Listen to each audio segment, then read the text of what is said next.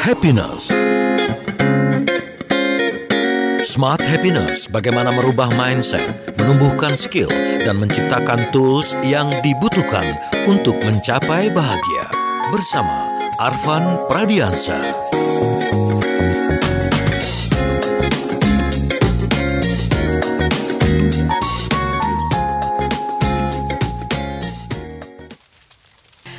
I come in simplicity, longing for purity to worship you in spirit and truth. Only you, only you is my first love. Smart listener dan juga sahabat sonora di seluruh Indonesia.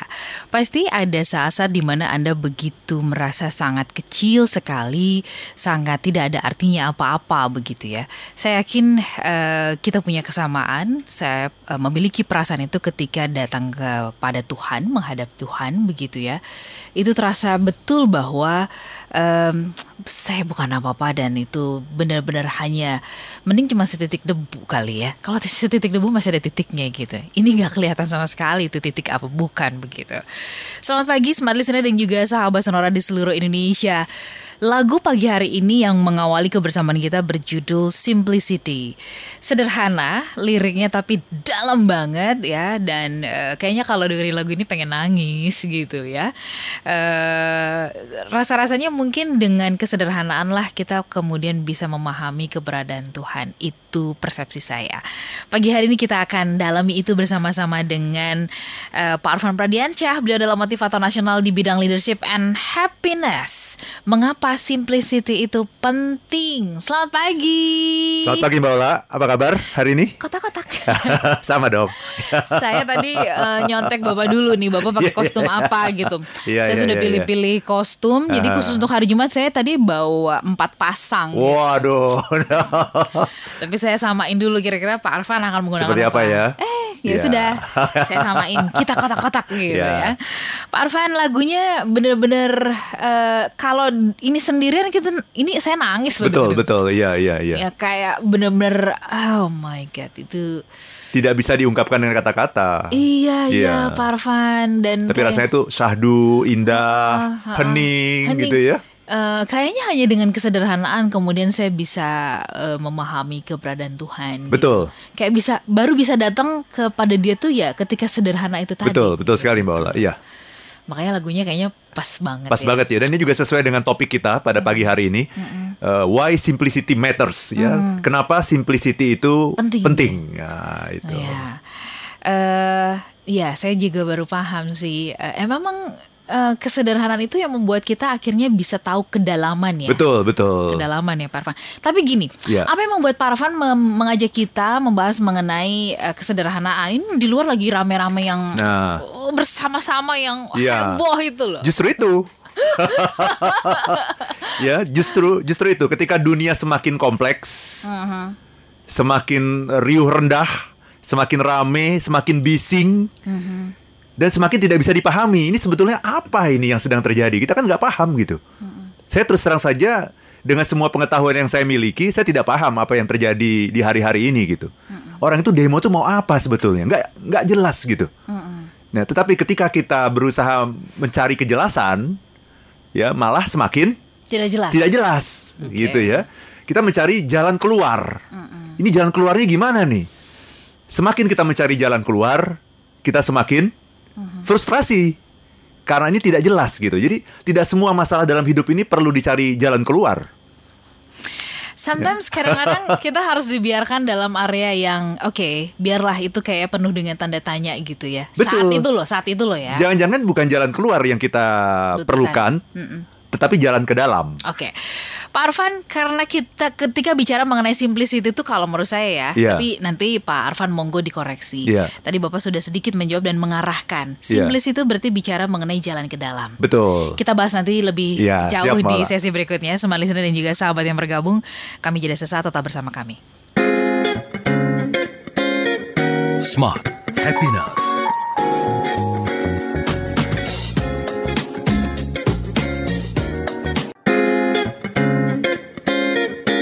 Kembali Anda ikuti Smart Happiness bersama Arvan Pradiansa. Smart listener dan juga sahabat yang bergabung bersama dengan kami, eh, kita mulai dulu eh, perbincangan kita soal mengapa sih simplicity itu penting. Tadi Pak Arfan sudah mengawalinya bahwa simplicity itu bicara mengenai sesuatu hal ke dalam. Ya. Betul, betul. Nah, ketika ini bicara ke dalam, ini bicara tentang apa? Iya. Tentang perasaankah gitu ya? Iya. Tentang kata hati kah gitu ya? Iya. Nurani atau apa begitu? Silakan. Very good question, Mbak Ola. Eh, sebelum saya masuk ke sana, saya ingin melihat lagunya dulu ya, Mbak Ola Hmm, ya. tadi boleh ya. ya, ya, Jadi ya, ini ya. lagunya bagus sekali ya. Em, dia bilang begini, I come in simplicity. Mhm. Ya, saya datang ke dunia ini itu dengan kesederhanaan. Jadi simplicity itu bukan kesederhanaan dalam pengertian hidup sederhana gitu, bukan. Hmm, bukan Bukan, seperti bukan itu. itu. ya. Tapi simplicity adalah kemampuan kita untuk melihat segala sesuatu yang ada di luar kita sebagai sesuatu yang sederhana gitu. Ya, bahkan yang kelihatannya kompleks dan sebagainya itu karena kita tidak paham saja gitu. Karena kita masuk ke dalam keriuh rendahan, kita tidak paham apa yang terjadi. Nah, nanti kita akan lihat bahwa simplicity itu adalah kemampuan kita untuk melihat segala sesuatu sebagai hal yang sederhana. Jadi I come in simplicity. Saya datang ke dunia ini dalam kesederhanaan, longing for purity, merindukan eh, kemurnian gitu. Jadi yang kita impikan lahir ke dunia ini kita merindukan sesuatu yang murni gitu ya, sesuatu yang suci begitu. To worship you. Nah ini, ini yang sangat penting sekali nih. Untuk memujamu. You-nya ini adalah Tuhan gitu. To worship you in spirit and truth. Ya, dalam eh, spirit dan kebenaran gitu. And only you dan hanya engkau ya. You are the reason I sing. Engkaulah alasan kenapa aku bernyanyi. The reason I sing. Ya. Yes, my heart will sing. Ya, forever I'll sing. Ya. Selamanya aku akan bernyanyi. Yes, my heart will sing how I love you. Betapa aku mencintaimu dan you-nya adalah Tuhan gitu. Dan yang menarik dia dia bilang apa tuh? Oke. My first love. My first love. Jadi my first love itu adalah Tuhan. Karena sebelum kita mengenal siapa pun, sebelum mengenal kekasih kita, jangankan jangankan kekasih, sebelum mengenal ibu kita, yang sudah kita kenal itu satu Tuhan. Jadi sebetulnya my first love itu Tuhan. Yes. Nah ini ini yang menarik sekali lagu, lagunya penuh dengan eh, kedalaman gitu, maknanya luar biasa Mbak Ola. Itu Mbak Ola. Oke. Eh, karena dia disebut sebagai my first, My first love, berarti ya. sebenarnya sumber cinta itu adalah dia, Betul, ya betul, kan? betul. The first and the eh, iya, Yang the- selamanya. yang selamanya gitu, the first and forever. gitu. Baik, tapi tadi eh, Pak Arfan, eh, saya saya saya tertarik untuk kita dalami soal yang ke dalam tadi ya. Iya, iya. Dan bahkan tadi kesederhanaan itu Bapak bilang ketika kemudian di dunia ini saat ini tuh penuh dengan riuh rendah. Berarti kesederhanaan itu hanya akan kemudian kita bisa dapatkan ketika situasi segala situasi itu tuh em, jadi tidak sederhana dan ini kemampuan kita untuk kemudian melihatnya. Iya, em, kesederhanaan itu perlu kita dapatkan di setiap waktu. Ya, supaya kita tidak larut dalam ketidakjelasan, supaya kita tidak menjadi manusia yang rutin, ya mengalami rutinitas terus. Ketika kita mengalami rutinitas itu kita sudah tidak sederhana lagi sesungguhnya, sudah tidak simpel lagi dalam melihat hidup gitu. Karena eh, kita sudah masuk menjadi pelaku, Mbak Ola. Gitu. Kita sudah masuk ke dalam kotak gitu. Ya.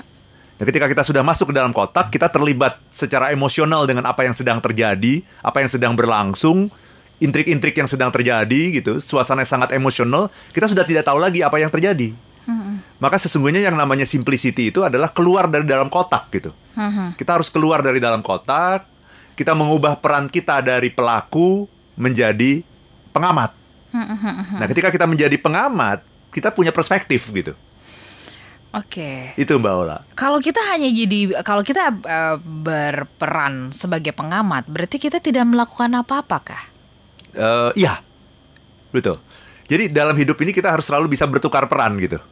Ya misalnya contoh begini, saya pernah gitu ya berada dalam su- suatu kantor gitu ya yang sangat membuat saya frustrasi gitu. Oke. Ya eh, atasan marah-marah terus setiap hari, nggak jelas apa yang dia yang dia tidak suka. Pokoknya suasana sangat tidak nyaman deh di kantor itu. Sehingga akhirnya saya pikir saya hanya menghitung hari ini sebenarnya di kantor ini gitu ya. Eh, tetapi kemudian saya eh, cerita sama istri saya gitu ya cerita masalah begini gini gini eh tahu-tahu eh, dia bisa memberikan sebuah eh, pandangan yang saya nggak pernah pikirkan sebelumnya oh ya kok bisa begitu ya gitu nah saya baru ben- benar-benar sadar Ya, dan ketika saya benar-benar sadar, maka saya jadi bisa melihat bahwa iya ya, saya berada di kantor itu sesungguhnya kan pilihan saya. Mm-mm. Ini saya saya kalau saya memilih untuk eh, resign juga bisa. Mm-mm. Jadi ketika saya ada di sana itu saya sudah keluar dari dalam kotak tuh sebetulnya. Ketika ngobrol sama istri saya, saya sudah keluar dari dalam kotak, melihat masalah. Jadi saya melihat saya sendiri gitu. Jadi Arfan yang menjadi pengamat melihat Arfan yang sedang ada di dalam kantor yang penuh dengan masalah ini. Hmm. Dan saya bisa melihat bahwa oh sesungguhnya masalahnya sederhana sekali. Kalau nggak suka, saya bisa resign. Mm-mm. Tapi saya tetap memilih untuk Ada di situ. bertahan. Berarti ada sesuatu yang sedang saya kejar gitu Mbak Ola. hmm, Dan ketika saya melihat dengan cara pandang seperti itu, pertanyaannya apakah masalahnya selesai? Tidak. Tidak, masalah terus ber- berlangsung. Tapi yang yang menarik, ketika saya melihat, oh iya ya, kalau saya mau resign hari ini pun bisa, Mm-mm. nggak ada masalah. Tapi kenapa saya memilih bertahan? Ada sesuatu yang sedang saya cari, Mm. sesungguhnya yang da- da- yang saya dapatkan di kantor itu. Ya, yaitu apa? Menimba ilmu. Oke. Ingin jadi manusia yang lebih hebat lagi di masa yang akan datang. datang. Nah, itu yang akhirnya membuat saya tetap bisa bertahan di kantor itu sampai beberapa tahun kemudian. Oke. Situasi tidak berubah, tapi saya berubah. Pak itu Mbak Ola. kita sambung dulu eh, ke Patri Laksono di Bandung. Selamat pagi, Patri. Selamat pagi. Ya, silakan Bapak. Eh, ini masalah simpel, simpel ya. Simplicity, Simplicity. Simplicity. Iya. Ya. Eh, kalau masalah ini saya juga merasakan hal yang maksudnya gini. Kalau saya kan ter- termasuk orang yang introvert gitu. Iya, Pak.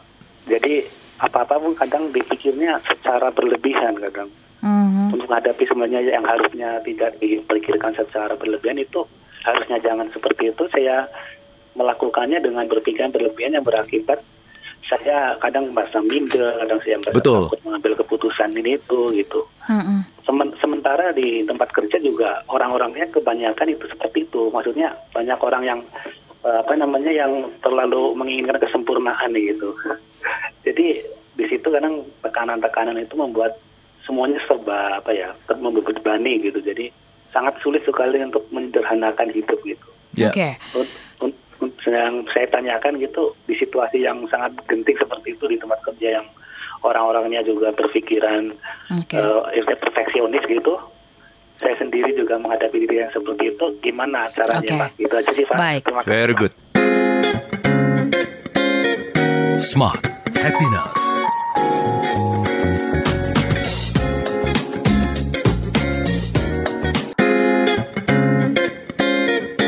Kembali Anda ikuti Smart Happiness bersama Arfan Pradiansa. Smart listener dan juga sahabat yang bergabung bersama dengan kami. Eh, kalau kita bicara mengenai kesederhanaan ya, mengapa simplicity itu penting? Nah, ini nanti kita gali lebih dalam lagi karena kalau tadi dari ceritanya Pak Tri Laksono di Bandung, Ya. di sekelilingnya adalah justru banyak yang menuntut eh, kesempurnaan gitu Betul, ya. betul, ya. Perfect. Eh, Ya. ada yang salah sih sebenarnya dengan itu ya. Memang ada yang salah. Memang yang Ya, yang memang kita inginkan kan adalah kesempurnaan, kan? Kesempurnaan dan Tuhan juga selalu menuntut kita meminta kita untuk setiap hari Menjadi lebih baik lagi. menjadi lebih baik Iya. lagi gitu kan. Eh, let's make things better lah kira-kira Iya. gitu. Nah, eh, smart listener memang tidak ada yang tidak ada yang sempurna. Nah, karena tidak ada yang sempurna, kita selalu perlu terus diisi Betul. supaya kemudian terus-menerus bisa eh, apa ya, semakin punya value ya. Betul. Nah, eh, Smart FM bersyukur banget itu dikaruniai punya narasumber-narasumber yang luar biasa keren-keren Iya. yang eh, telah memaknai kesederhanaan ya, Betul, ya. dengan dengan memberikan inspirasi lewat bidangnya masing-masing. Iya. Oke, kita sambung lagi Pak Iya. Arfan. Eh, boleh dikomentari tadi apa yang disampaikan oleh Pak Tri Laksono di Bandung? Pak Tri Laksono ya tadi Pak Tri Laksono mengatakan yang yang pertama itu simple. Ini Iya. ini simplicity itu bukan simple. Bukan simpel. Jadi begini, eh, hidup itu kan awalnya simple. Mhm. Eh, Kemudian kita berusaha untuk memahami masalah, jadinya kompleks. Mm-mm. Tapi setelah kita memahami masalah, jadi simple lagi. Saya ambil contoh begini, misalnya Mbak Ola dulu ya, kan eh, kuliah di jurusan ilmu komunikasi ya. Betul. Sebelum masuk jurusan ilmu komunikasi, mungkin waktu masih SMA, menganggap yang namanya komunikasi itu simple ya. Mm-mm. Ya udah ngomong gitu. Udah ngomong aja, simple, sederhana gitu ya. Nah, kemudian belajar ilmu komunikasi. Es. Setelah belajar ilmu komunikasi, jadi tahu bahwa yang namanya komunikasi itu Tidak sesimpel sangat itu. iya tidak sesimpel itu sangat rumit gitu. Belajarnya sampai lima tahun untuk mempelajari ilmu komunikasi yang katanya tadi simple. Benar.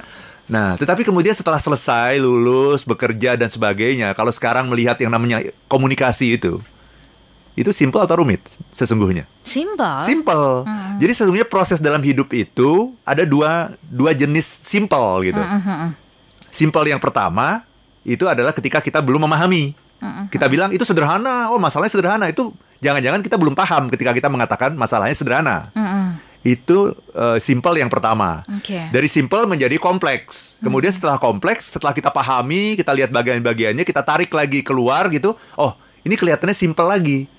Tapi simple yang terakhir dan sim- simple yang kedua dan simple yang pertama ini berbeda.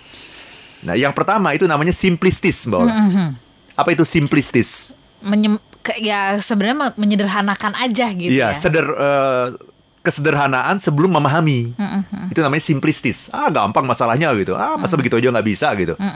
Nah, itu namanya simplistis. Tapi kemudian setelah kita pahami masalahnya dan sebagainya, kita lihat bagian-bagiannya menjadi sangat kompleks.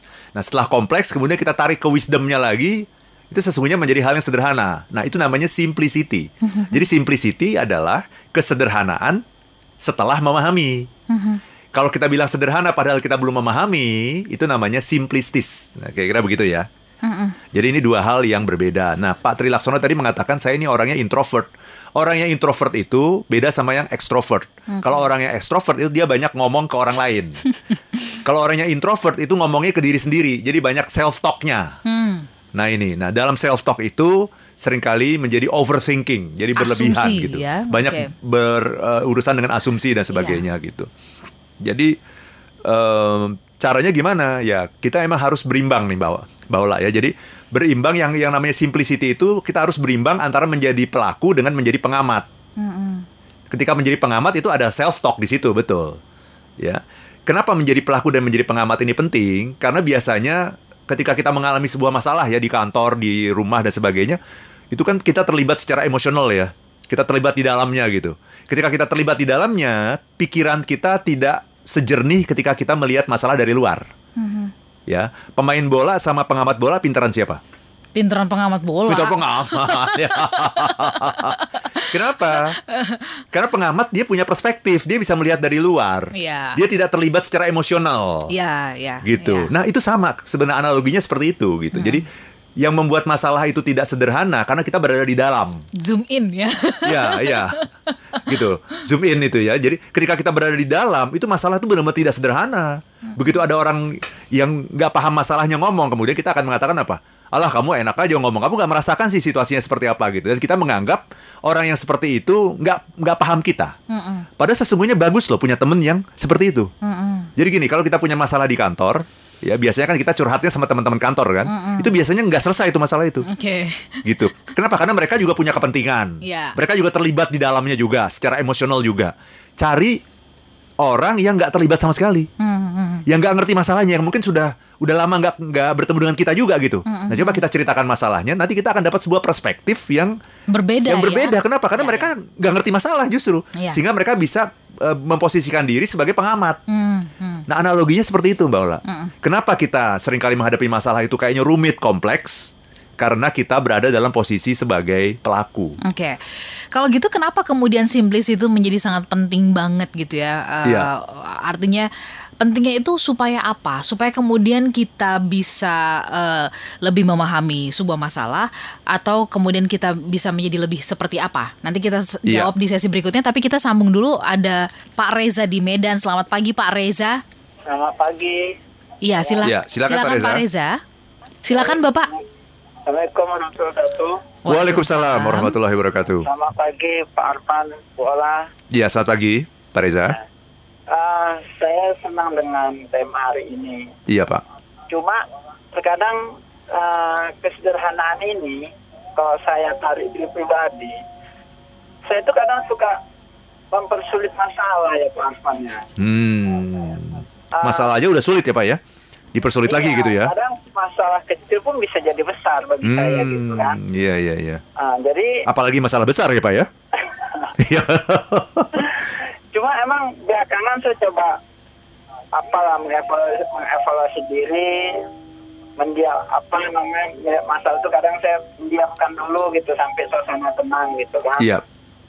Dan saya kadang setuju dengan karena ada quotes Pak Arfan tuh kalau lagi di Smart FM tuh yang bikin kita bahagia itu eh, apa tuh katanya makin apa kok lupa saya Mhm. biasa di Pak Arfan tuh kalau di sela-sela Smart FM itu kunci bahagia itu adalah semakin panjang Oh, semakin ban Semakin banyak persyaratannya, semakin Persyaratannya. sulit kita bahagia. Ah, itu ya. Mm-mm. apakah ini ada kaitannya dengan simplicity tadi tuh Pak? Baik, baik. Ya. Seperti itu. Itu yang kadang menjadi apa saya tuh kesenangan saya tuh kalau lagi bawa mobil gitu kan. Ya. Mhm. Menarik seperti itu. Itu kata-kata yang cukup thought thought provoking ya, itu ya.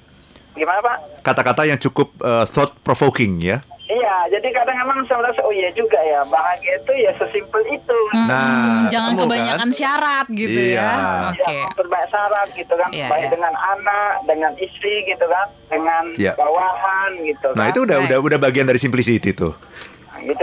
Pak. Iya. Terima kasih Pak Reza, hati-hati dalam perjalanan Hati-hati, ya. Pak, ya. Baik, nanti kita kita kita akan eh, komentari ya setelah kita jeda sebentar ya. Ya. Kami jeda sesaat tetap bersama kami.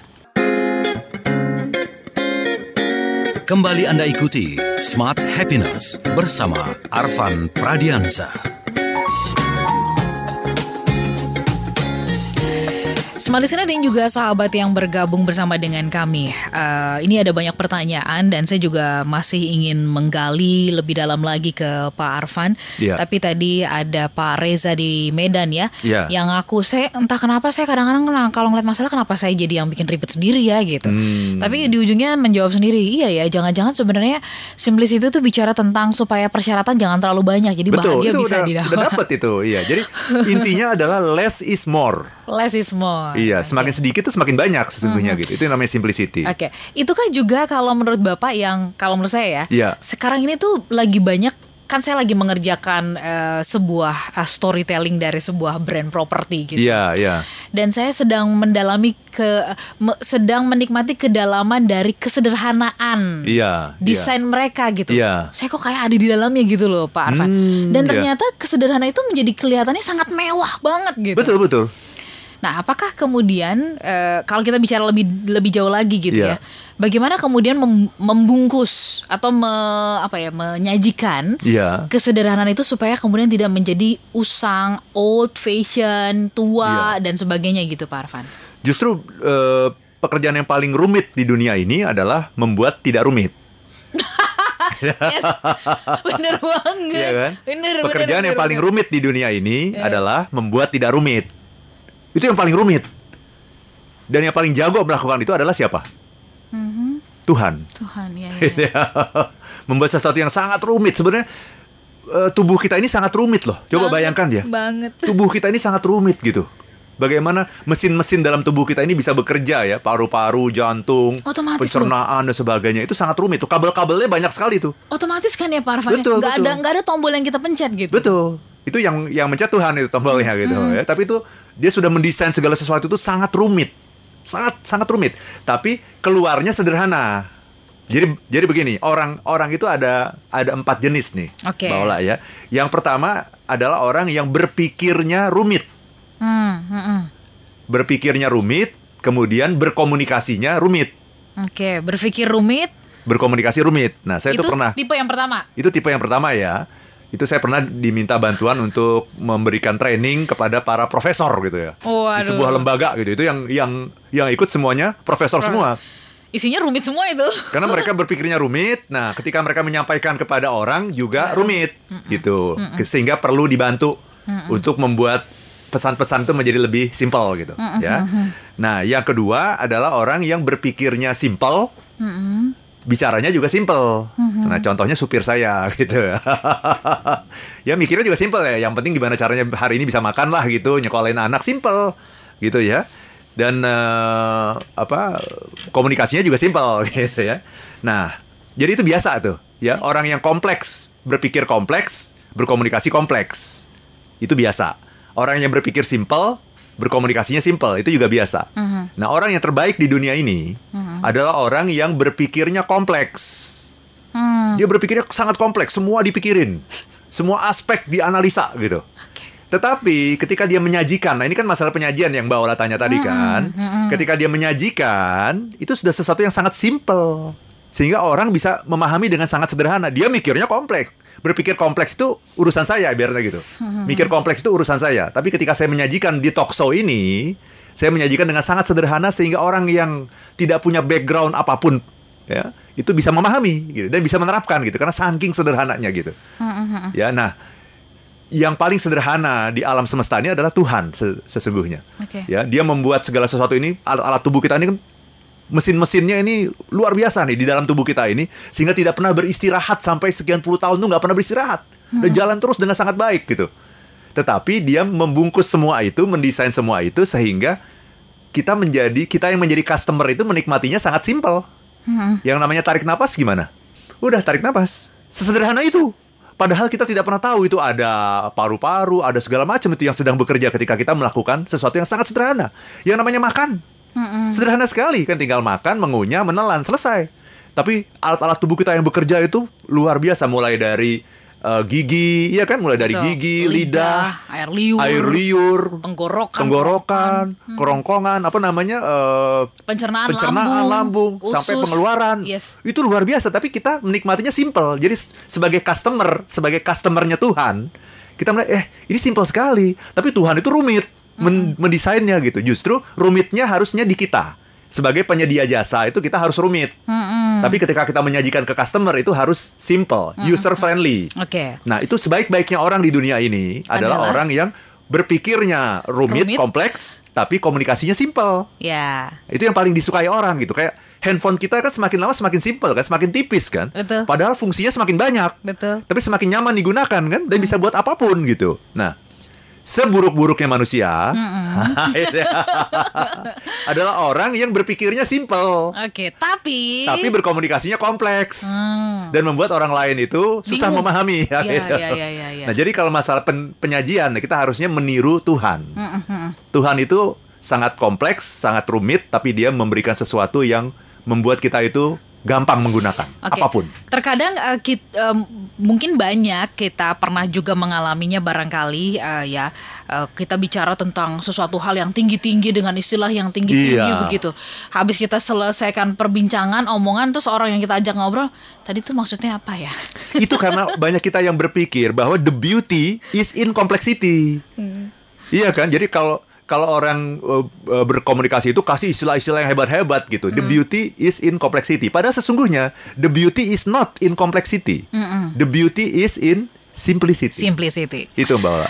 Pak Arfan, eh, kita butuh boleh dibilang em, supaya bagaimana sampai menuju simplicity itu menjadi sangat simple. Iya. Ya, bukan kita gampangkan ya, tapi menjadi sangat simple kita pahami. Apa sih stepnya nih? Apa Iya. yang harus kita lakukan mulai dari saat ini, Iya. gitu ya, menuju ke simplicity itu. Silakan Ya, Pak. Very good question, Ola. Sebetulnya nggak cukup ya hanya dalam waktu yang uh, talk show ini ya. Kita sambung nanti di minggu depannya. Tapi di di buku saya uh, Seven Laws of Happiness itu saya memberikan sebuah uh, penjelasan yang sangat rinci mengenai simplicity itu ya. Jadi begini, stepnya ya yang harus kita lakukan adalah sering-seringlah mengambil posisi sebagai Pengamat. pengamat gitu. Ada orang yang mengambil posisi sebagai pengamat hanya dalam situasi-situasi seperti ini nih. Ya dalam situasi yang ketidakjelasan, kok tiap hari demo yang tidak jelas, ada kebakaran hutan yang nggak jelas siapa yang bakar, ada Papua yang bergejolak kita juga nggak pernah tahu apa yang terjadi, kok tahu-tahu begitu, kan tidak jelas. Ya, nah kita kemudian eh, ambil posisi sebagai pengamat, jangan ikut-ikutan, jangan ikut-ikutan bikin status gitu. Ya sangat sayang sekali Anda bikin status padahal Anda tidak tahu masalahnya apa kan seperti itu. Ambil posisi sebagai pengamat. Nah, tetapi sesungguhnya yang lebih indah lagi adalah setiap hari. Jadi tidak harus dalam eh, keadaan yang tidak jelas atau keadaan yang bermasalah. Setiap hari kita harus luangkan waktu untuk jadi pengamat. Karena kalau jadi eh, pelaku terus, kita tidak akan pernah bisa jernih Melihat sesuatu. melihat sesuatu.